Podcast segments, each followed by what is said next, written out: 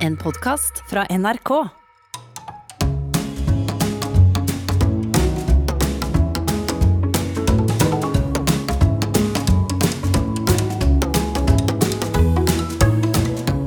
Hjertelig velkommen til Sånn er du her på NRK P2, hvor vi, Nils Brenna, hei, og jeg, Harald Eia, får profilerte norske kvinner og menn til å ta en grundig personlighetstest, og sammen gå gjennom resultatene for å finne ut hva slags personlighet man har. Og i dag skal vi gå inn i sjelen til politiker fra Arbeiderpartiet, tidligere statssekretær i UD, nå leder for Oslo byråd, Raymond Johansen. Velkommen. Tusen takk for det.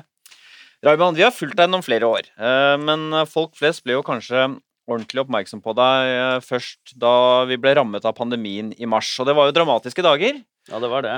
Alle var usikre, og det ble jo flere og flere smittede. Det skjøt jo i været. Og, og, folk begynte å føle sånn Skal ikke noe gjøres snart? da, ikke sant? Ingenting skjedde.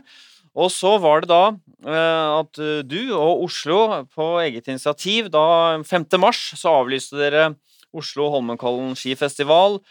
Og dagen etter at Verdens helseorganisasjon erklærte at covid-19-utbruddet var en eh, global pandemi, eh, så stengte dere skoler og barnehager, selv om eh, helse- og omsorgsminister Bent Høie hadde sagt dagen før at de ikke skulle gjøre det. ikke sant? Så dere tok på en måte veldig tak eh, tidlig. Og i den grad eh, disse beslutningene Raymond, springer ut fra deg og din uh, person, da, så kan man jo lure på, og det lurer jeg på, Nils er denne oppførselen, litt sånn egenrådig oppførsel til Oslo og Raymond Johansen et uttrykk for Hva er det uttrykk for? Er det nervøsitet? ikke sant? Er det en manglende vilje til å gå i takt med resten av landet? Eller er det dristig og djerv tegn på handlekraft? Det skal vi finne ut av i dag. Det blir spennende. La oss begynne med dette trekket som uh, kanskje kan ha gjort at uh, Oslo uh, var raskt ute med å gjøre ting fordi de ble så redde. Vi skal se på Raymond Johansens score på nevrotisisme.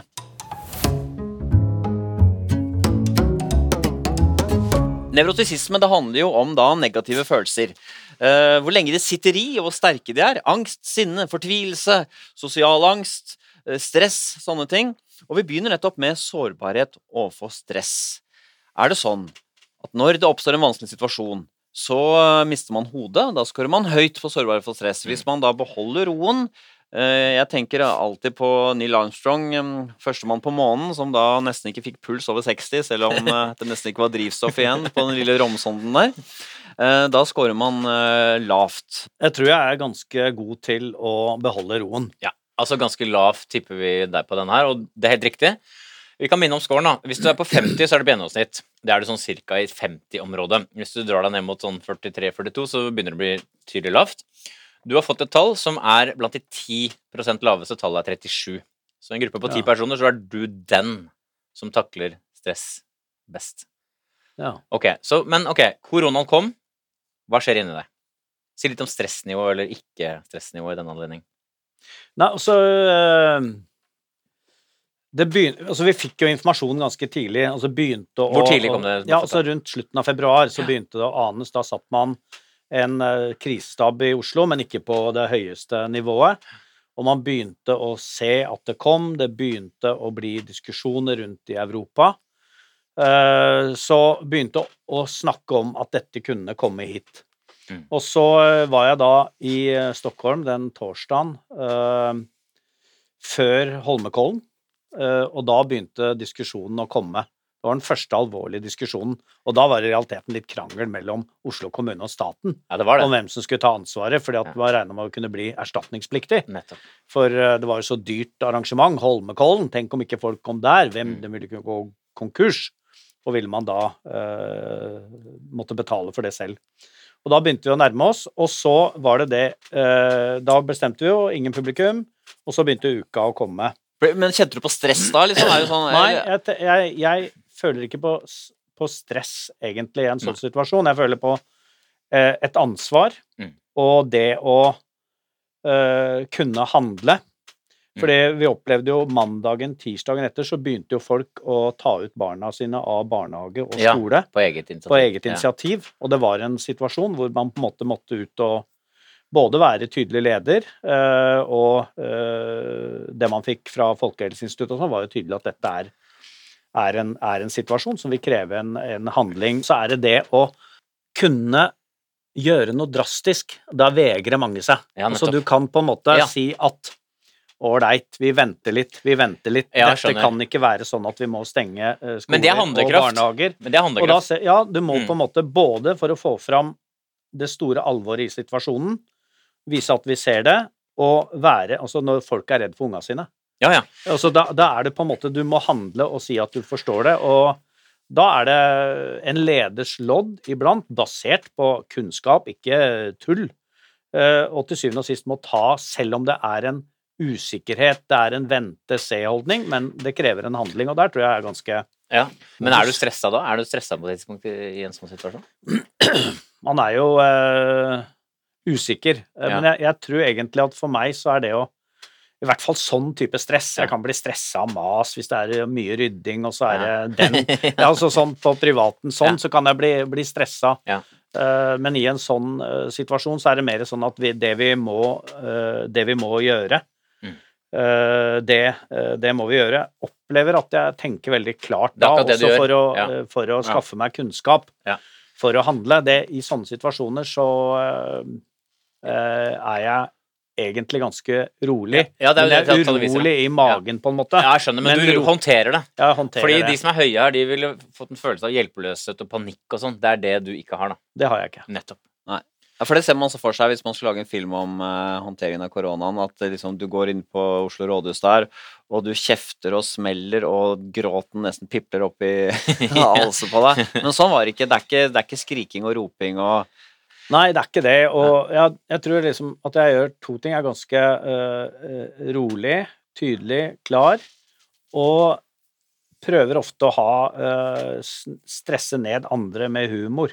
Ja. Ja. Og si litt uventa ting, og plutselig snakke om noe helt annet. Mm. eh, for å liksom ned. roe Mm. andre i en sånn situasjon. Det tror jeg er ganske bevisst på etter hvert som Ja, for det, du, Man det, er ikke bare at du, eldre. det er ikke at du føler for deg morsomt, du gjør det som en slags beroligende Jeg tror det. Jeg hører liksom Ja, sånn er den, hører jeg etterpå, for folk blir veldig overraska over at jeg plutselig kan si noe humoristisk i en veldig stressa situasjon. Ja. Samtidig er det litt Også... urovekkende hvis eh, Raymond begynner å bli morsom. Da skjønner man at ja. Men, jeg, men jeg, bare, det var en av rådgiverne som sa det, for det var en som liksom syntes det var veldig rart at eh, liksom to minutter jeg skulle inn i en pressekonferanse, så begynte jeg å tulle med en annen. Og så øh, ble han veldig forvirra, og så sa rådgiveren om det er alltid sånn Raymond er før han skal uh, gjøre noe veldig viktig. ja, for da roa henne sjøl også Ja, sikkert litt, sikkert litt det. Litt humor og, og uh, roe meg selv ned òg, og litt omgivelsene. Har du vært i noen andre sånne privatsituasjoner hvor det har vært stressende for deg? Jeg husker jeg hadde et intervju med Dagbladet i 2009, eh, høsten 2009, og da var jeg innmari i bra form. Jeg hadde innmari lav puls. Det var nesten like bra som Bjørn Dæhlie, liksom. Oh, ja, Vi er snakker sånn på 30-tallet et sted? Ja, eh, Ja. vi snakker det. Vi snakker 7-38 ja. Det var sensasjonelt lavt. Et hjerte som bare kjempe, kjempepump og masse blod gjennom. Ja, det er veldig og sånn eh, Her er det virkelig bra, og det tror jeg var en overskrift oppå sånt, eh, det intervjuet i Dagbladet. Så det var på høsten, og så eh, kom på nyåret etter juleferien, og første dag så ble jeg veldig svimmel. Og eh, dro opp på legen, det var jo partisekretær i Arbeiderpartiet, dro opp på legen oppe i 9. etasje og tok sånn EKG og sånn. Ja, litt sånn. eh, vi tror det er ålreit at du drar opp til Aker og tester. Og så, ja, skulle bare bli over natta da, med alle mulige sånne instrumenter på kroppen for å sjekke hjerterytma ene med det andre, og jeg sa ja, dette går bra, ikke avlys noe møte på formiddagen, jeg er tilbake.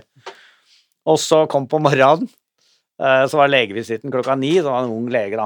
Så han, Ja, Johansen, jeg veit hva som feiler deg, jeg veit hva vi må gjøre. Og så kasta han noe opp i den senga, og der lå det en sånn eh, pacemaker, ja, den skal vi sy inn. Å, såpass. Nei, det var en tøff var jeg- måte å si på. Ja. ja, og da var liksom jeg fra toppidrettsutøver til hjertepasient i løpet av veldig kort tid. Så ja, det var en eh, Ble du stressa da? Ble du stressa da? Jeg blei ble stressa. Ble du redd? Hvor redd ble du? Eh, Jeg var, med, jeg var ganske redd i, eh, i månedene etterpå. Ja, det var det. Da, også selve operasjonen var jo spesiell fordi at eh, du er jo bare lokalt bedøva. Så jeg fulgte jo med at den dreiv inni hjertet der. Og det var, det var en helt utrolig diskusjon. For han lege aldeles utmerket lege. Da var det diskusjon om nedlegging av Aker. Vi, satt, og han dreiv og stilte deg spørsmål om Aker. Han var veldig, veldig fin. Og jeg lå der og så inn i den der TV TV-skjermen på, på hjerteoperasjon samtidig som vi diskuterte nedlegging av Aker. Så det var en eh, en eh, sterk opplevelse. Men, men eh, i, i måneden etterpå så det er klart det å få et fremmedlegeme inn, og plutselig så tror du at det er det som Ja, ja, ja. styrer kroppen din, istedenfor at det er en hjelp, da hadde jeg eh, da hadde jeg angst, for å si det rett ut, jeg og har jobba, jobba bra med det. Hvordan jobber man med det? Og for det første så eh, oppsøkte jeg psykolog, for jeg var redd. Ja. Eh, og eh, lærte ting av han som var, har vært helt uvurderlig. Hva da? Eh, rett og slett det å hilse på angsten. Ja. Og så at angsten var en del av kroppen din. ja. Uh, fordi at det er jo så mange som bruker så mye krefter på å presse ned. Ja, Presse det, ned. tenk det ut, liksom. Er det Ja, ja, det er derfor vi har alle vokst opp med å snakke om en angstfordriver. Ja, ja. noe man drakk. Det var jo nettopp en for å presse ned en angst som var der, og alkohol er jo veldig god medisin, helt Ja. jeg edru igjen.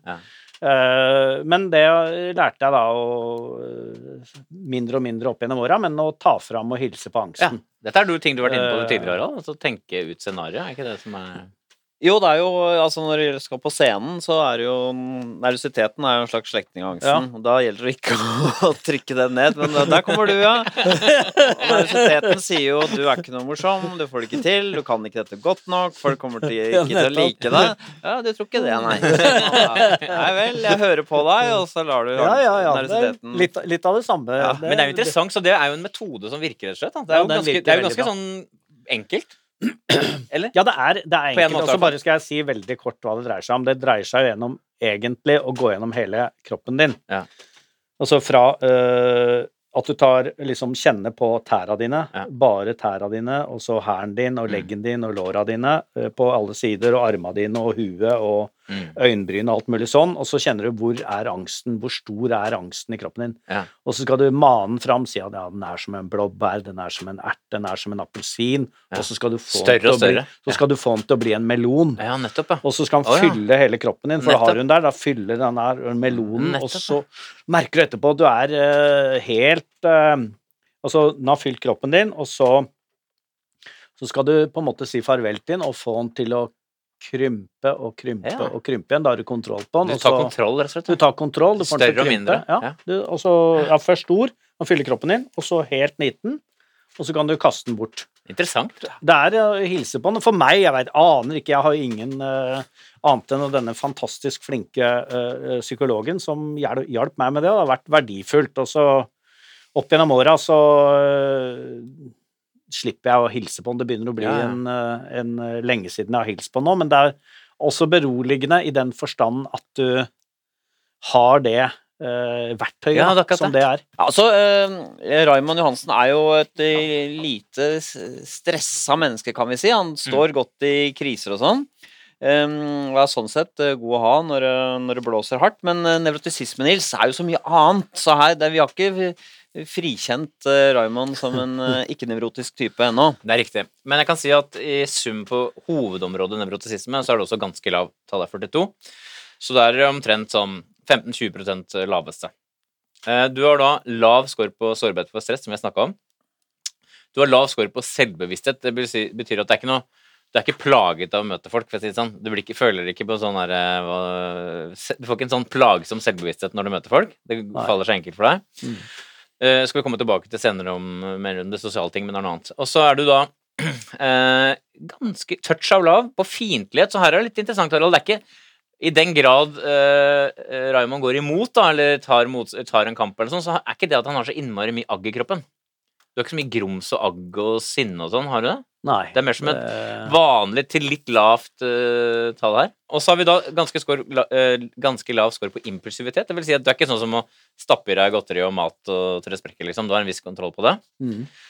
Og så er det på snitt på engstelse. Uh, det er jo litt interessant, det har vi, det har vi vært innom. Der er du som en vanlig mann. Ja. Også på det som heter depresjon, som er sånn nedstemthet og sånn, der er du også som en vanlig mann. Mm. Ja, Så i sum ganske lav på nevrotisisme. Ja, Så det var altså ikke sånn eh, en, eh, en som hadde mistet hodet, som eh, tok masse uoverveide beslutninger på vegne av Oslo. Det er riktig. Så skal vi over på det personlighetstrekket som i hvert fall deler av dette personlighetstrekket kan si noe om hvordan man agerer på andre menneskers følelser. Og vi skal se på Raymond Johansens score på åpenhet. Åpenhet for erfaringer, det handler jo om eh, eh, Ikke om man er da et åpent menneske, at man vil og forteller om hvordan man har det hele tida, men at man er, eh, man er nysgjerrig på nye erfaringer og nye kunnskap. Men vi skal også se på den underdimensjonen som heter åpenhet for følelser. Altså hvor mottagelig man er for egne og andres følelser. Noen er jo sånn at følelser ikke spiller noen stor eh, rolle. Man er rasjonell og nøktern. Um, mens eh, for andre så er jo, er jo følelsesmennesker og også bryr seg veldig mye om hvordan andre føler og, og har det.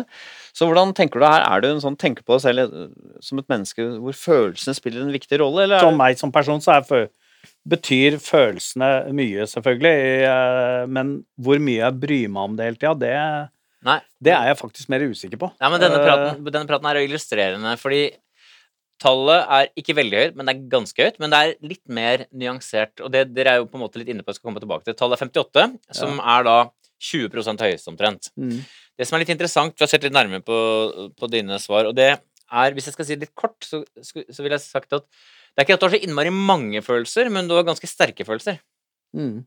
Gir det mening? Mm. Det Det er, ikke, det er ikke sånn at du har liksom tolv strenger på Ja, det, gitaren, gir- det gir mening. men det er sterk eh, Og det er jo da Så poenget er at du kan i motsetning til Harald, han er lav her. Han, er, Mm. han har lite sterke følelser. Ja. Han har få og lite sterke følelser. Du har relativt få, men sterke følelser. Men jeg liker liker å lese om dem og høre om dem. Det er riktig. Ja. Hvis man er lav på åpenhet for følelser, som du da ikke er, men du er høy, ehm, så hvis man er lav, så er man litt dårlig på å fange opp stemning i rommet, ikke sant? Mm. Eh, og- hun og ble nok litt sånn, følte seg litt tråkka på der og sånn.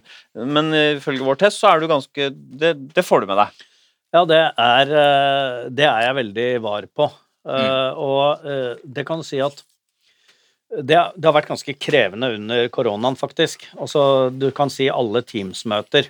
Mm. Så er det ganske mange ting du ikke greier å fange opp Nettopp. akkurat av det.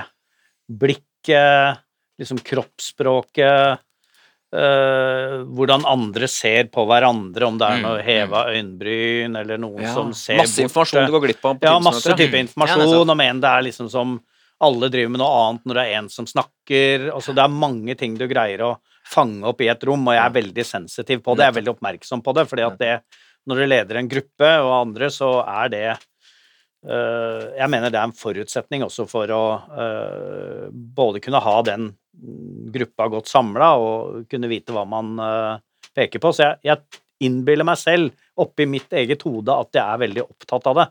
Eh, og jeg tenker ofte på det eh, nå under koronaen, og heldigvis er det sånn at byrådet som sådan, vi samler jo fysisk én gang i uka med, Mm. med god avstand, men det er, det er veldig viktig for å eh, holde et team, et team sammen. La oss si at man er ganske god til å lese liksom, stemninger i rommet og sånn. Er, er det en fordel når du forhandler i politikken? Han er sånn Syns jeg merka at han ene der han er litt på glid og sånn. Ja, det, kan, eh, det er helt riktig. Det er riktig. Ja, og ikke minst det at to, hvis det er en delegasjon på, på de andre som er tre, Mm. og så ser du at to stykker ser på hverandre når den tredje eh, snakker, Ja. Så kan man lett tolke at Nettopp, "Mm, ja. her er du enig, Ja. motparten Dette her kan vi lirke litt mer på. Nå kan vi ta en pause og snakke litt om Ja. det, og fordele litt oppgaver oss Ja, ja, imellom ja. på hvordan vi går inn i eh, akkurat den problemet der. For er her kan det hende at denne personen står aleine akkurat om det, og at de andre syns at det kravet er litt håpløst. La oss eh, massere Ja, ja. det litt. Og da, er du, da er, bruker du det du har av Ja, sånne det- skills, da, for å si det sånn. Det gjør vi. Og det har Eh, du, har du sikkert opplevd at du har merka noen ganger, at Ja. du har fanga opp noe. Det har jeg. Absolutt. Er det noen andre du, som du merker er gode på sånn? Som du har... Av eh, Nei, det vil jeg ikke avsløre her. Nei, men er, det, men er det sånn at du har noen du vet om som du ikke vil si? Ja. Ja, det er det. Det er det. Fra, Absolutt. fra høyre, eller? Det kan hende. ja, jeg skjønner. Summa summarum, det å være sensitiv på hvordan eh, dynamikken er i et eh, rom og sånn, er nok eh, ganske viktig. Da må du være, ha et minimum av sosial intelligens. Ikke sant. Eh, og det er jo det det dreier seg om. Ja. For det finnes, For det fins de som ikke har det. Det fins altfor mange av de som ikke har det. Vi er mange, vi er helften. ok, så det er åpenhet for følelser er jo da viktig i det, det politiske arbeidet når man skal skape allianser og holde grupper gående, ikke minst i forhandlinger, da. Så er det en, en interessant underdimensjon under åpenhet for erfaringer som eh, heter åpenhet for handlinger, altså hvor åpen man er for å gjøre nye ting. Skårer man eh, høyt, så liker man eh, variasjon. Man drar kanskje på ferie forskjellige steder. skiftende interesser. Nå driver jeg med det, nå driver jeg med det. Skårer man lavt, så foretrekker man det kjente og etablerte. Altså vane eller variasjon, egentlig. Stadig mindre variasjon. Nettopp. Tallet er 39, det vil si at du er sånn eh, 13-14-15 laveste på det. Ja, jeg liker eh, vaner og rutiner etter hvert mer og mer i livet mitt. På hvilken måte, Hva er det du merker det på konkret? Hvilke vaner og rutiner er det du har og liker, og som du gjør, da? Nei, altså det å stå opp eh, mellom seks og halv sju. Det å spise to brødskiver med leverpostei og agurk eller egg når jeg skeier ut. Ja. med kaviar, eller bare- Ja, med kaviar på. Ja, ja. Absolutt. Absolutt. Under, eller så det klistrer seg Nei, oppå? oppå. Ja, nettopp. Ja, så det klistrer seg Vi har matpakke, så det klistrer seg i matpapiret, da. Ja, Så Bruker ikke kaviaren som lim, det er jo det Da. ja, det er det. Det, det er helt riktig. Veldig, veldig sant. Det fungerer både som lim og litt krydder. Sånn eh, det, eh, det liker jeg godt Ja. eh, å, eh, å, å gjøre. Starte dagen på den måten. Høre på radioen og og gå med bikkja Ja. på samme tidspunkt. Altså, Når er det å gå med bikkja? det er det første jeg gjør. Og så gir jeg han Og da klokka er fem ja, over seks? sånn? Nei, ja, sånn mellom det og halv sju, liksom. ja. Samme turen hver dag, eller? Ja, nå samme turen hver, dag- hver dag. Eh, og akkurat nå har jeg flytta til byen, da, det er jeg veldig uvant for meg. Eh, men da, det var jo en stor skritt i Raymond Jansens liv, det skal jeg bare si deg. Og så eh, stopper da foran Baker Hansen og kjøper to brød med bikkja utafor. Akkurat ett minutt, henter de og går tilbake og tar bikkja, og så går jeg hjem. Ja, samme Det ruta. er samme ruta, det syns jeg er uh... Bikkja liker det òg, eller? ja, han uh, flyr nå der, han. Det, det, det funker veldig bra. Men, men det å slippe å tenke på Ja. så unødvendige ting Ja. Og så da kan jeg eh, konsentrere meg om andre ting. Da går jeg automatisk, liksom. Ja, hvordan er det å være sammen med sånt uh, vanedyr, da? Jeg tror det er litt begge deler. Jeg tror det iblant Altså det, jeg, jeg tror noe av det sikkert kan være litt kjedelig. Altså en som jobber mye og liker å gjøre de samme ting, det En som er borte, eller gjør skjønner samme tinga? Ja, jeg, jeg innser det. Uh, Får du høre det, eller? Ja, Hva er det du får høre da, konkret? akkurat det. Hva får du høre? Altså eh, Skal vi finne på noe? Nå må du ta initiativ til å finne på noe, så er du ganske sliten etter en eh, lang dag, og det, der har jeg et eh, stort forbedringspotensial, det må jeg si. Typisk sånn med litt lav score her, så jeg kan kjenne meg igjen sjøl. Er det sånn når du skal reise bort, så drar du helst på hytta? Nå gjør jeg det. Ja, Nå gjør jeg det. Det hytta er best. Hytta er best nå, men jeg må jo si det at uh, det er et tema hjemme nå. Hvor skal vi reise når det er mulig å reise igjen? Ja, Og da vil du dra på hytta, eller? Nei, da vil jeg til Spania. Du vil jeg, greit? Ok, Spania, da. Ikke Indonesia, eller Nei, da til Spania. Eh, og eh, Bilbao og Nei, det er mye herlige steder å dra. Jeg skjønner. Ja, altså eh, høy score på åpenhet for følelser, lav score på åpenhet eh, for handlinger, litt taggete profil så langt på åpenhet for erfaringer, Nils. Ja. I sum så er du i sånn cirka i normalområdet. Eh, Du er da høy på følelser, som vi snakka om, ja. Så er du på snitt på det som heter estetikk. Det er kunst og kultur i alle dens varianter. Oi. Så der er du en vanlig, vanlig person. Og så er du på snitt på verdier. Det vil si at hvis man er veldig høy på verdier, så er man veldig tolerant. Og hvis man er veldig lav, så er man litt sånn streng. Her er du helt på snitt. Det vil si at du er tolerant, men man skal ikke forstå folk i hjel heller, da, kanskje. Det er helt riktig. Riktig. og så er du lav på handlinger, som jeg snakka om, og så er du litt lav på det som eh, rommer fantasi i alle dens varianter. Mm. Det betyr at det er ganske sånn realistisk. Mm. Og så er du eh, Du har litt sånn ulike utslag på det som heter teoretisk nysgjerrighet. Du kan like å sette deg inn i ting, men hvis temaene blir for abstrakte, eh, og det blir mye verdensrom og sånn, så syns du ikke det er så interessant. Nei, aldri syns. Nei, ikke sant? Aldri. Nei. Altså, det- jeg syns livet her på jorda er eh, spennende nok. Jeg har aldri forstått eh, Altså, jeg, det å se stjernene og Ja. alt det i et romantisk og Nei? komme ut og se helt klar himmel og sånn, det syns jeg er vakkert. Men eh, jeg er ikke så opptatt av om det bor noen ute i verdensrommet. Nei, og ikke hva sant? som skjer, det er jeg Nei, Eh, Vi har fått en del meldinger om er det noe sammenheng mellom eh, personlighetstrekk og og hvor man står politisk. Og det er et tydelig mønster som jeg bare har lyst til å lufte med deg, og det er at når man scorer høyt på åpenhet for erfaringer, altså åpen for nye ideer, åpne for nye måter å gjøre ting på, så er det større sjanse for at man enten stemmer Rødt, Miljøpartiet De Grønne eller SV. Mhm. De har eh, det, Dette er folk som kanskje i større grad tenker sånn En annen verden er mulig. Mm. Det må ikke være sånn som det er nå med markedsøkonomi. Det kan være på en annen måte. Vi må ikke ha økonomisk vekst. Er, er det noe du kjenner deg igjen i? At de partienes representanter ofte har en litt mer sånn eh, Tenker, eh, for å si det litt sånn pent, da, utenfor boksen, men også kanskje litt sånn utenfor realitetene? Uh, ja, det kan jeg si er min erfaring. Og det er ikke verken noe gærent med det eller eh, rart. Det er jo eh, ofte så er det det emosjonelle først, Ja. og så kanskje hvordan man praktisk skal gjennomføre det etterpå. Mm. Og så er det noe som er sånn praktisk hvordan greie å f.eks. redusere den økonomiske veksten samtidig som folk skal ha det rimelig bra. Mm. Det er jo et eh, kanskje litt kjedeligere sosialdemokratisk tilnærming til, til verden, da. Mm. Eh, som jeg oppfatter som mer logisk. Så må vi få med folk. Ja. Det er viktig. Hele Mm. veien få med folk for det du, det du driver med, og eh, skritt for skritt for skritt greie å eh, endre verden og gjøre det litt, litt bedre. Litt under snittet når det gjelder åpenhet for erfaringer på Raymond Johansen. Men så er det dette her, da. Denne voldsomme viljen Raymond viste på Oslos vegne til å gå sine egne veier. Det kan være et tegn på, Nils, at han scorer høyt på neste personlighetstrekk. Vi skal se på Raymond Johansens score på ekstroversjon. Ekstroversjon det handler om um, hvor mye glede og kick man får av den ytre verden, men også hvor mye, mye man dominerer, hvor mye aktiv man er uh, utad. Og vi begynner med den underdimensjonen som handler om sosiabilitet. I hvilken grad eh, man søker og foretrekker andre selskap fremfor å være for seg selv. Sosiabilitet det handler altså om behovet for det sosiale eh, generelt, enn at akkurat det å treffe et annet menneske, men sånn ah, jo flere, jo bedre. Så hvordan er du her? Er du, elsker du mange folk, eller liker du hest tett av tett?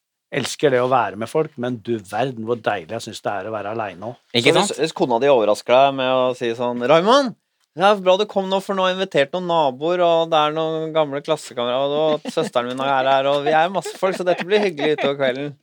Ja, da uh, sier jeg det kommer til å bli veldig hyggelig. Men, men, men, men, men, men mener du noe annet? Uh, Det er ikke en Altså, gladmelding. Ja, nei, det er ikke den gladmeldinga det burde vært og er, men jeg, her er det bare skjerpings. Ja, nettopp. Eh, Ja, ja jobbe det- imot kraften, Ja, liksom. Jeg det er helt. Det Ja. er skjerp, Enkelte ganger så er det bare skjerpings. Ikke sant? Og øh, det er eh, nettopp et uttrykk for det. Ja. Nå skal vi gå ut i kveld, nå har vi avtalt å gå og spise middag med noen. Og inni deg så stritter du mot og sier nei. Eh, Inni deg, jeg vil sette her og ta meg en øl og sitte og se på noe, eller glane i en bok, eller gå en tur. Ja. Uh, ofte går jo det òg, men ja. Ja. Uh, du må jo Ja, men det høres, ut, det høres ut som du beskriver det tallet du har fått. Altså, du har fått ikke veldig, men litt lavt tall her. Tallet er 43, så du er i sånn nedre delen av normalområdet, men det drar seg litt mot det du beskriver, egentlig. Ja. Så da du var yngre, så var det, hadde du sikkert høyere score på dette. Jeg kan for øvrig kjenne meg igjen i det sjøl, Ja. faktisk. Eh, så det er, da, det er ikke noe, for så vidt noe problem, og det kan være hyggelig blant folk også, men du har da i større grad enn de som hadde hatt mye høyere score, et behov for å trekke deg litt tilbake. Ja. Jeg tror her er det sånn at folk tror mange vil tro at jeg er mye mer ekstrovert enn jeg er. Nettopp, og det skal vi komme tilbake til. Ja, det, For du har betydelig ekstroverte trekk. For kort fortalt kan jeg si at når du først er til stede, så virker du ekstrovert. Ja. Men, når, men det at du har behov for og med stor letthet kan være aleine, er jo ikke et ekstrovert trekk, men det er det ingen som ser. mm, det er riktig. Det er interessant. Mm. Det tror jeg er riktig. Mm. Jeg kjenner meg igjen godt i den beskrivelsen. Og du var inne på det, uh, hvor lenge Vi pleier å spørre folk som har lave score, hvor lenge kunne du ha vært helt aleine? Si du og hunden, da. Par uker. Nettopp. Det er ingen som har høy score på dette, ville klart det. Man har gjort noen sånne tanker under koronaen. det er jo noen av oss som fikser dette bedre enn andre. Nettopp. Det er helt riktig. Ja, fordi at eh, vi eh, altså kommer til Åh, jeg må ut! Det er så forferdelig! Jeg har ikke, har ikke vært ute, vi har ikke vært ute på restaurant, jeg har ikke drukket med noen, vi har ikke vært og møtt noen. Jeg holder på å gå på vegga, jeg holder på å bli gæren. Ja, ja, ja, nei. Og så tør, tør du ikke egentlig å si at det, det er, deler av dette er helt greit, liksom. Jo, jo, ja, det blir hyggelig, det. Du må jo Du har jo nødt til å si det. Ja. Du kan ikke noe Så annet. det, men du føler det ikke sånn selv, egentlig, da. Men tenker du litt sånn er det, Kan det være så farlig, liksom? Det vikt, vi har en viktig jobb å gjøre her. Ja. Sosialt kan det være seinere. Ja, jeg, altså sånn intellektuelt så tenker jeg jo det, Ja. definitivt. Men jeg tenker på meg Altså på meg sjøl at dette, akkurat den biten av det Altså, Mm. jeg skulle ønske jeg kunne være å klemme mor og far, liksom, som jeg ikke har gjort på riktig lenge. De er jo over 80. Mm. Er det så viktig å klemme dem, da? Ja, jeg syns det. Okay, Jeg har alltid greit, gjort det. Du er- For det er forskjell, en forskjell på dere to, bare for å ta det. Fordi at du scorer høyere på ekstraart varme, Raymond. Du scorer ganske høyt der. Det vil si at du liker nærhet. Harald scorer lavt på ekstraart varme. Så han har ikke behov for å klemme. Så klemme vil du. mor og far er døde, da. Ja, Det er sant. Ja. ja, nei, det det gjør jeg. Jeg liker å ta på folk. Og, Ikke sant? Det, det gjør jeg. Nettopp fordi at du scorer et, et annet ekstravert trekk er at du er ganske høy på ekstraart varme. Du, er, du er ganske lett for å komme innpå folk og, og være ganske sånn nær og inderlig. Ja. Så det er jo da et ekstraverttrekk. Det ikke-ekstravertrekket er at du, har, at, du har det, eller det at du har dette behovet for å trekke deg tilbake. Mm. Pluss at du da har ganske høy score på både aktivitet, som betyr at du er energisk, Mm. ja, ekstravert trekk, som folk ser, ikke sant? Mm. Energisk fyr. Og så er du ganske høy på selvmarkering. Du tar ganske mye plass når du først er der. Ja. Så det er jo ekstraverte sider ved deg som folk ser. I sum på, på det som handler om ekstroversjon, så er du ganske riktig da på snitt. Du er verken introvert eller ekstrovert. Det er det som heter ambivert. Å, ja. Så du er verken eller sånn sett. Ja, så jeg er midt på treet score på ekstroversjon, men noe høye eh, topper. Sånn ledelsesprofil, egentlig, på ekstroversjon. Ja, bortsett fra at han er litt mindre på sosialitet enn ledere i snitt er. Ja, som jeg si. å være sammen med folk. Ja, men de er i hvert fall litt høyere vanligvis. Så blir jo spørsmålet skal man eh, gjennomføre ting, kan man få til eh, saker og ting, så kan man jo selvfølgelig ansette eh, folk som har en plan og retning, men det beste er jo å ha det selv hvis man skal få gjennomført noe. Vi skal se på Raymond Johansens score på planmessighet.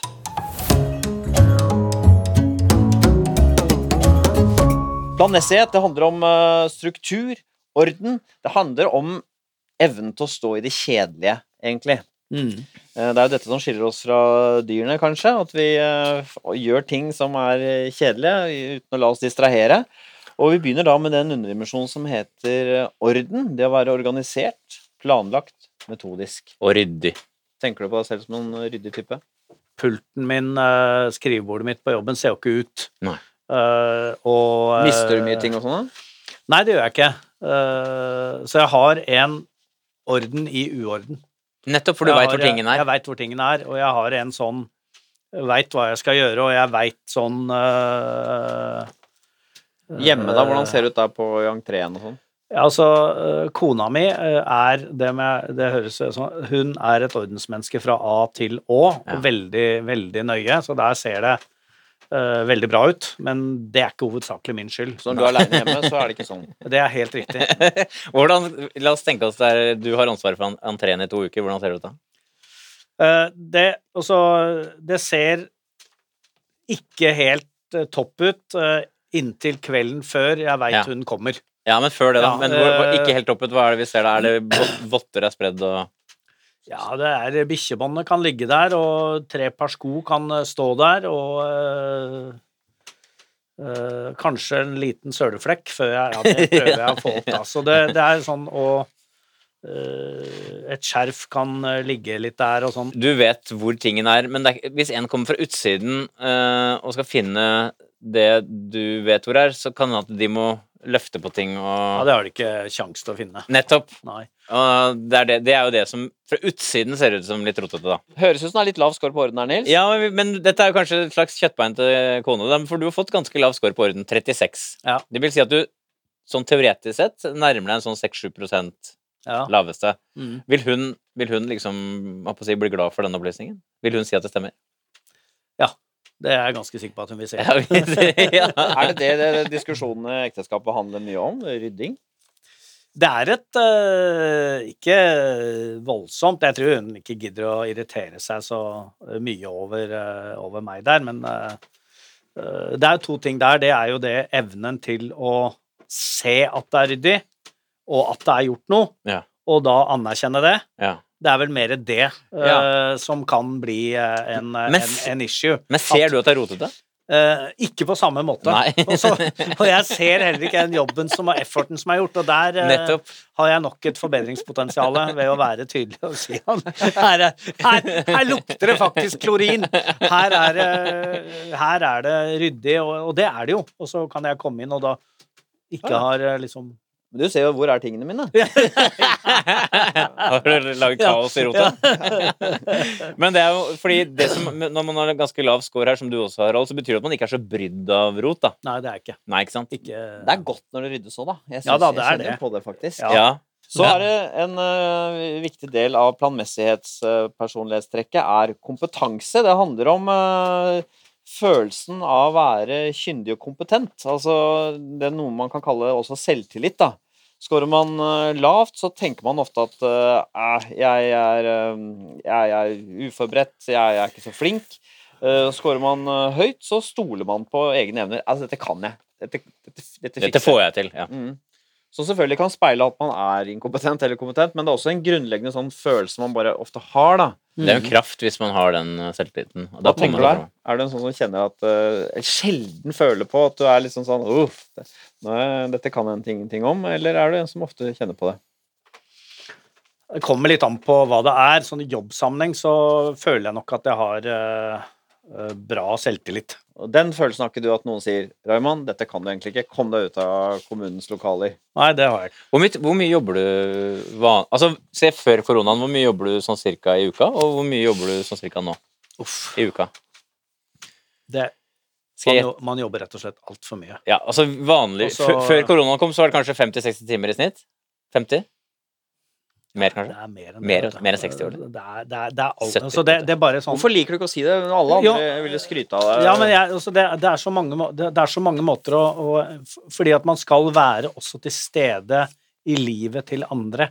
Og hvis du liksom eh, er åpen og ærlig på hvor mye du egentlig jobber, både med, Mm. med jobbrelaterte ting oppi kålradien din, Ja. så er det et tall som ikke er bra, for det Ja. viser jo at du ikke er nok til stede. Så nesten hele tida, egentlig. Altså, egentlig alt Ja, for mye. Egentlig. Så det, det må jeg si jeg må eh, det, det tror jeg er ting du eh, Jeg prøver å være veldig bevisst på det. Ja. Men så er det så mange ting som kommer inn hele tida, som tar fokus. Så er det en telefon du får, så er det en tekstmelding du får. Ja, det må du ordne, Mm. det må du gjøre. Og så er du plutselig fraværende i neste 20 minuttene. Ja, så øhm, lav orden, høy kompetanse, Nils, men resten av planmessighetspersonlighetstrekk-scoren til Raymond Johansen Ja, der er du helt på snitt. Eh, I tillegg til det du nevnte der, så er du da på snitt på plikttroskap. Eh, Du er som et vanlig menneske på å forholde deg til normer, regler og etikk og sånn. Du er på snitt på betenksomhet, som betyr at hvis du hadde vært lav, så hadde du vært veldig sånn handle på sparket hele tida. Og hvis du er veldig høy, så kan du bli grundig på grensen til omstendig. Der er du midt imellom. Og så er du ganske høy på prestasjonsstreben, som rommer det ambisiøse, men du er ikke, veld, du er ikke veldig høy score. Det er bare sånn så vidt det drar seg mot høyt, så du er ikke Mm. ekstremt ambisiøs oppi alt, men ganske høy. Og så er du ganske høy selvdisiplin, og så har du da høy score på kompetanse, som jeg snakka om. Vel, så er det jo sånn da at uh, du uh, har jo ansvaret for mange menneskers uh, liv, og da blir jo spørsmålet skal man lytte til å bry seg om hva alle mener og syter om og krever, eller skal man være litt hard og tøff i møte med andre menneskers krav og ønsker? Vi skal se på Raymond Johansens score på medmenneskelighet.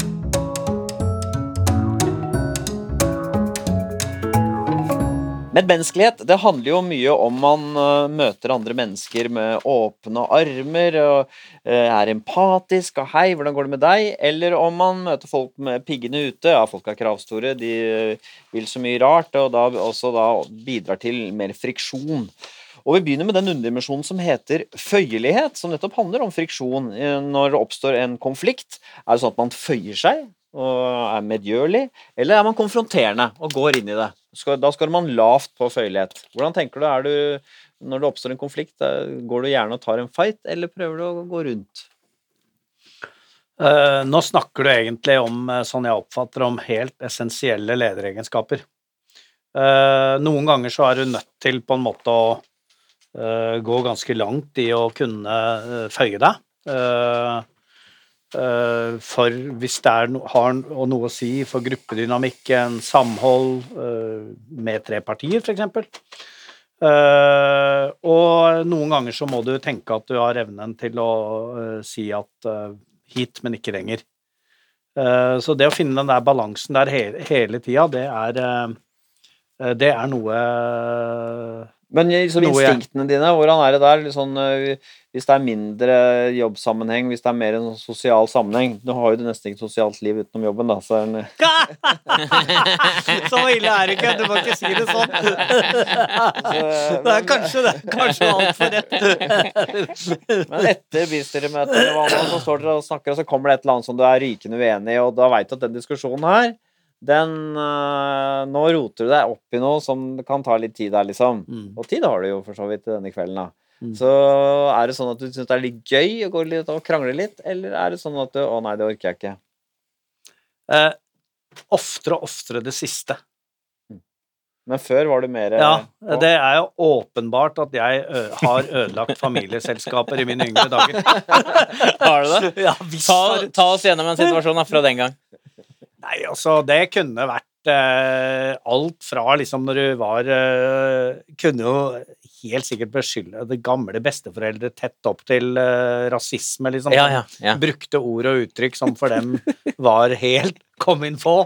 Som neger, eller hva, altså hva det Ja, er, og ja. du var ute med en gang. Ja. Uh, og, og, Arresterte? Ja, ikke bare arresterte, det var jo banka i bordet, og det var uh, Særlig hvis man var felles nyinnvidd til alkoholens både gleder og mindre hyggelige sider, så kunne man helt sikkert krasje et uh, middels hyggelig familieselskap. ja. Hundrevis av diskusjoner, og broderen og jeg, vi dro jo til noen ganger, og det var ja, øh, mange eksempler på, på det. ja så du, Eh, så da, noen, det- noen vil jo mene da at eh, Var dette nødvendig, da? Ja, virkelig. det, det tror jeg alle har vært med på.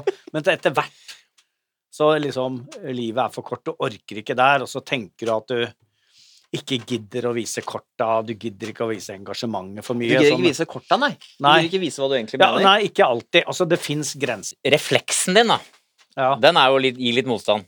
refleksen min i motstand. Ikke sant? Mm. Så det er jo det, det, det, det, Det er du også, det er jo det du også er litt inne på her, at du, du, men du veit om den refleksen, Mm. så du prøver å ta litt kontroll på den. Helt riktig.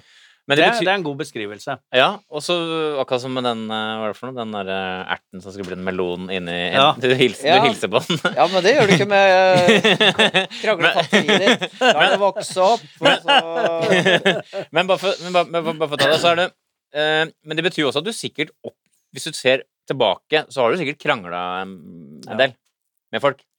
Ja, det øh, krangla masse. Du har det. Ja. Tallet ditt er ikke veldig lavt, men tallet er 43, som litt lavt. Ja. Nesten i normalområdet. Men det, vi har jo vært inne på det litt nå. Det er liksom noen krefter her.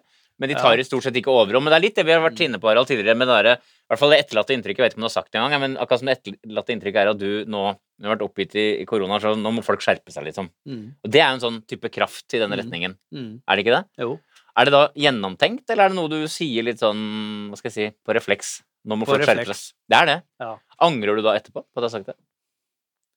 Jeg angrer veldig sjelden for uh, noe jeg har sagt. Det øh, tror jeg sikkert uh, burde angra mer, men det er bare sånn at det er veldig fort ferdig. Ja, men la oss si det, det ja. noen ganger så, så kan noen komme tilbake til meg og si at man har hatt en eller annen samtale og skulle beklage noe eller et eller annet sånt, Mm. og da har jeg rett og slett glemt det. Og Ja. vi må ta det opp Ja. en gang til for å fortelle det. Skal ganske mye til før det stikkes, på en måte, og det er jo Du har jo varig svekkede sjelsevner iblant når du har drevet i så mye. ja, ja. Altså, Men det det å være politiker, i hvert fall sånn som jeg er her, det er jo et liv i strid. Ja, ja, er du gæren? Altså, det er jo eh, krangel og liv i strid, så du på en måte eh, Masse meningsbrytninger og meningsgreier Ja, ja. som du er så Men i denne sammenheng, så det interessante her er når det skjer da, så skjer det litt på refleks. Tror du ikke også det at det kan være litt befriende at politikere at de kan si sånne ting?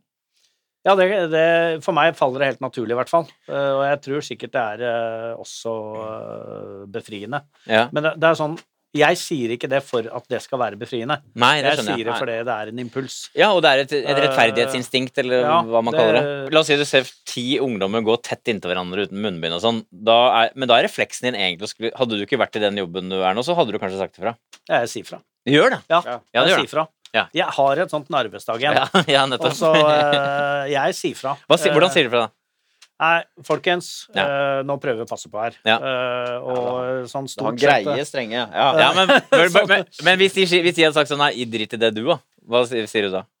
Ja, det, da tar jeg i tilbake igjen. Ja, det gjør det. Hva sier du da, for eksempel? Eh, Nei, og da eh, kan jeg være veldig tydelig. Nå, dette er jo alvor. Ja. Skal, vi, eh, skal vi få kontroll over dette her, eller skal Ja. vi ikke få kontroll over det? Ja.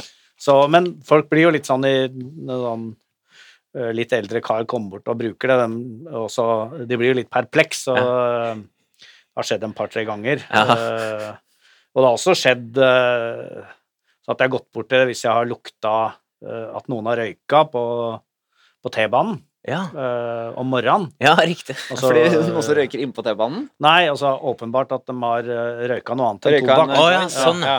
Eh, så går jeg bort og eh, sier fra, og sier at jeg spør hvilken skole det er fra, at jeg har tenkt å ringe rektor etterpå. Ja. Eh, dette er en veldig dårlig start på dagen og sånn. Ja. Og det blir jo en sånn veldig Men får du svar da? Ja. Veldig, gjør det? Ja, det, er, altså, det er tull, det er ikke det det lukter og sånn. Ja. Så, ser jo, så ser de jo det, da. Så det, er, det er en sånn naturlig, egentlig, Ja, min det. måte å vise litt Nettopp. på. Og det ligger jo litt her, tenker jeg. Ja, jeg tror det. Det er sånn Ja, eh, at jeg eh, At jeg sier fra, og det kan være sånn eh, Ringe opp eh, hvis jeg har gått tur i, i, på byen Ja. tidlig en morgen Ja. og ser at alle søppelkassene er helt fulle og sånn, så kan jeg ringe og sende en melding til Bymiljøetaten og si Ja, ja. dette går ikke. Det er veldig uh, litt Ja, sånn på impulsivt, da. Hva om folk har beina på. på setet på Da T-banen? sier jeg fra. ja, det gjør det. Så bra! Rulletrapp, folk som står uh, på Til venstre. Ja.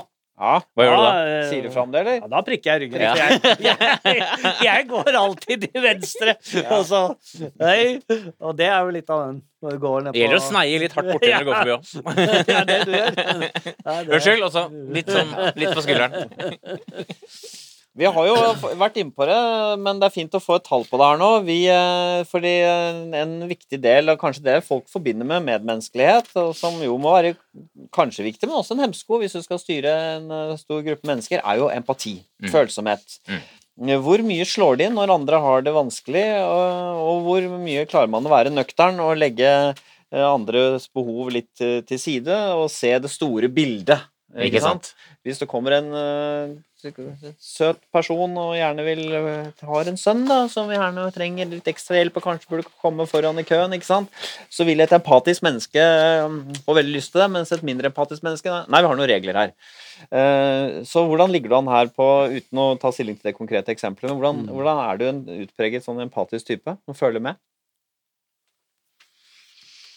Eh, jeg vil nok se på meg selv som et eh, empatisk menneske, men det vil nok ikke styre Nei, nei. den type handlinger i det Nettopp. hele tatt. Jeg kan, jeg kan Eh, kommentere det med en gang, ja. fordi du, du beskriver egentlig tallet 58, som er ganske høyt, men har ikke tatt overhånd. mm. Og du, det er litt interessant, fordi vi har snakka tidligere om at du, du er også ganske sånn emosjonell, i den forstand at du, du lytter til følelser, og så er du ganske, på samme nivå som dette altså ganske empatisk. Og så er det det vi lurer på da, er jo sånn, hvordan er det du liksom balanserer det? Det rasjonelle mot det empatiske eller følsomme, så å si. Det er veldig Altså øh, Det er et øh, godt spørsmål. Jeg kan bare si jeg har hatt øh, veldig mange saker angående øh, boliger for vanskeligstilte. Og når du har møter med folk som virkelig har utfordringer knytta til det å kunne betale for å bo, øh, og du sitter der og uh, folk gråter Uh, får ikke endene til å møtes. Og du har jo bare lyst der og da til å bla opp penger og uh, Mm. løse det problemet for de. Mm. Og så veit du at det ikke er en option i det hele tatt, det er ikke en mulighet. Uh, og da er det jo det å gå inn og tenke hva er løsninger uh, for litt som uh, Harald snakka om i stad, da, de mer overordna tingene som man må greie å, å løse for å treffe det enkeltmennesket, men du tar jo det, tar jo det med deg. Du er ikke uberørt av det, samtidig som du ikke eh, kan løse det problemet for eh, det eh, for den enkeltpersonen. da. Mm. Men jeg bare for, Jeg tenker veldig mye på det eh, med Når vi fatter de beslutningene vi gjør nå Nå går jeg mye rundt og tenker på de konsekvensene de beslutningene har for, for folk. Hvordan tenker du det? Jo, bare sånn alt fra det at plutselig så Når vi bestemte å eh, ha skjenkestopp, Mm. og restauranter eh, stengte, Ja. Og det at det har vært mindre mulig å følge kulturelle aktiviteter, så tenker jeg at ja, ja, nå hadde kanskje en invitert eh, familien sin fra Bodø for å ha en langhelg her, og akkurat bestilt eh, på favorittrestauranten, hadde plukka Mm. ut Altså alt fra sånne ting, og så Ja. Eh, går den telefonen, så blir ikke det noe av, og Mm. så blir den ferien avlyst, og så blir det møtet avlyst, og så alle de eh, unge folka som skal leite etter en kjæreste som må sette liv på vent, og eh, alle de Det, tynger meg litt, egentlig. Mm. Og så uh, Er det sånn at du kjenner gråten komme? Nei, det, er, det gjør ikke. jeg. Men jeg er bare sånn utrolig sånn respekt for at vi for at jeg, jeg tror det sjelden har vært politikere i, utenom koronafasen på, både i Kommune-Norge og på staten som har fatta beslutninger som så umiddelbart har fått virkning for så mange. Nei. Om du så skal Nei, ha er unga dine vekk av barnehagen eller skole eller hjemmeundervisning. Mm. Alt er snudd opp ned. Mm. Og hvis du da ikke bruker noe tid til å reflektere litt og tenke over det, Mm. så mener jeg du er en ganske dårlig leder òg. Er det sånn at den eh, empatien har vært litt sånn som er relativt høy? Du, du er jo et, menneske som måte forholder deg veldig til personlighetstrekkene og balanserer, eh, demper det hvis det kommer i veien, og eh, prøver å ta mer hensyn til det hvis du på en måte har for lite av det til det som passer for en som har den jobben du har. da. Men når det gjelder Mm. empatien din som er såpass sterk, har det liksom har det gitt deg noen sånne kvaler noen ganger? At det har vært problemer for deg? Uh, i at du har måttet gjøre hjertet ditt hardere enn det det egentlig er i noen sammenhenger? Mange ganger. Jeg har jo vært eh, leder hvor jeg må ha bedt eh, folk slutte. Ja. Uh, sånn. Ja. Og det er klart at det, hvis du da sier at det ikke går inn på deg, uh, eller har gjort et sterkt inntrykk, uh, og du må på en måte gjøre deg klar for å gjøre deg veldig være veldig tydelig Mm. når du må komme med sånne type beskjeder til kanskje mennesker du har jobba veldig tett sammen med.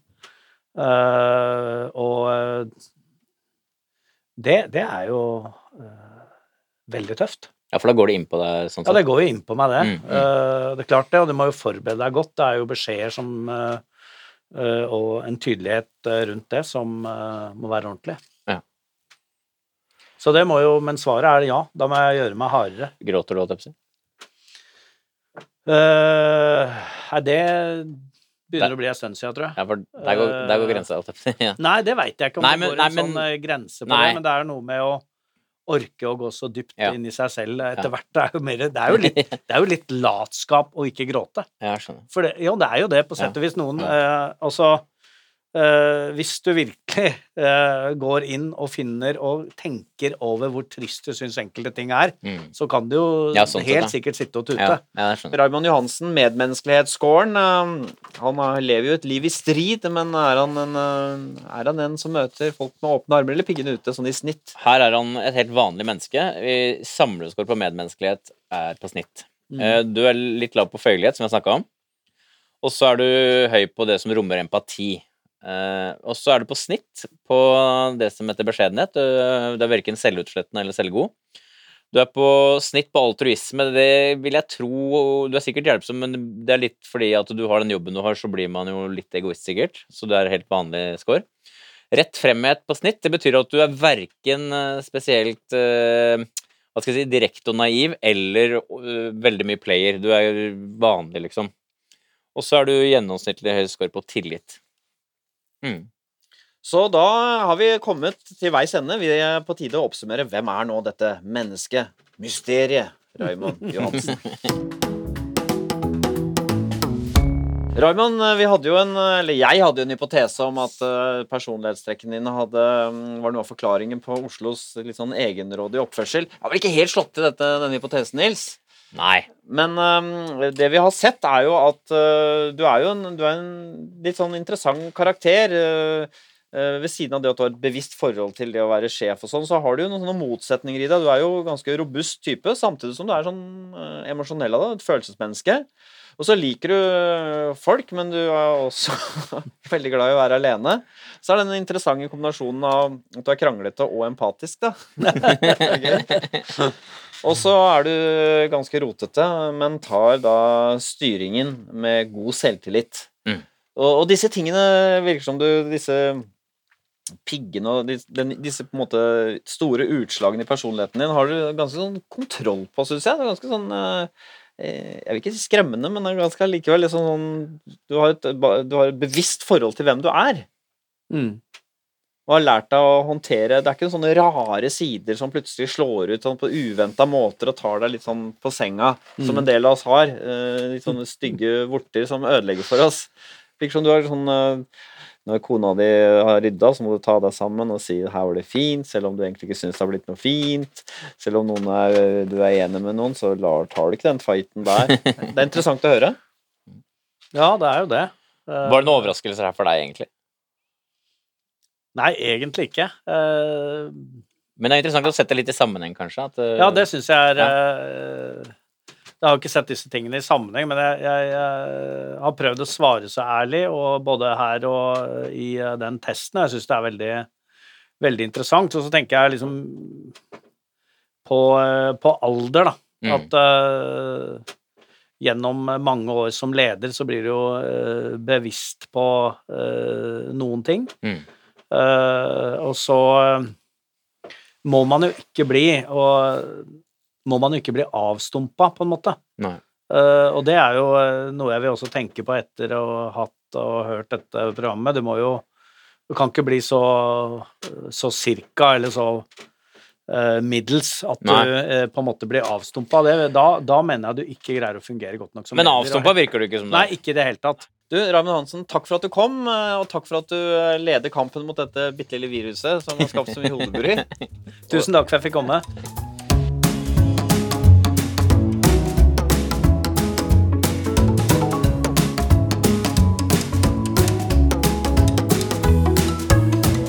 Du har hørt en podkast fra NRK. Hør flere podkaster og din NRK-kanal i appen NRK Radio.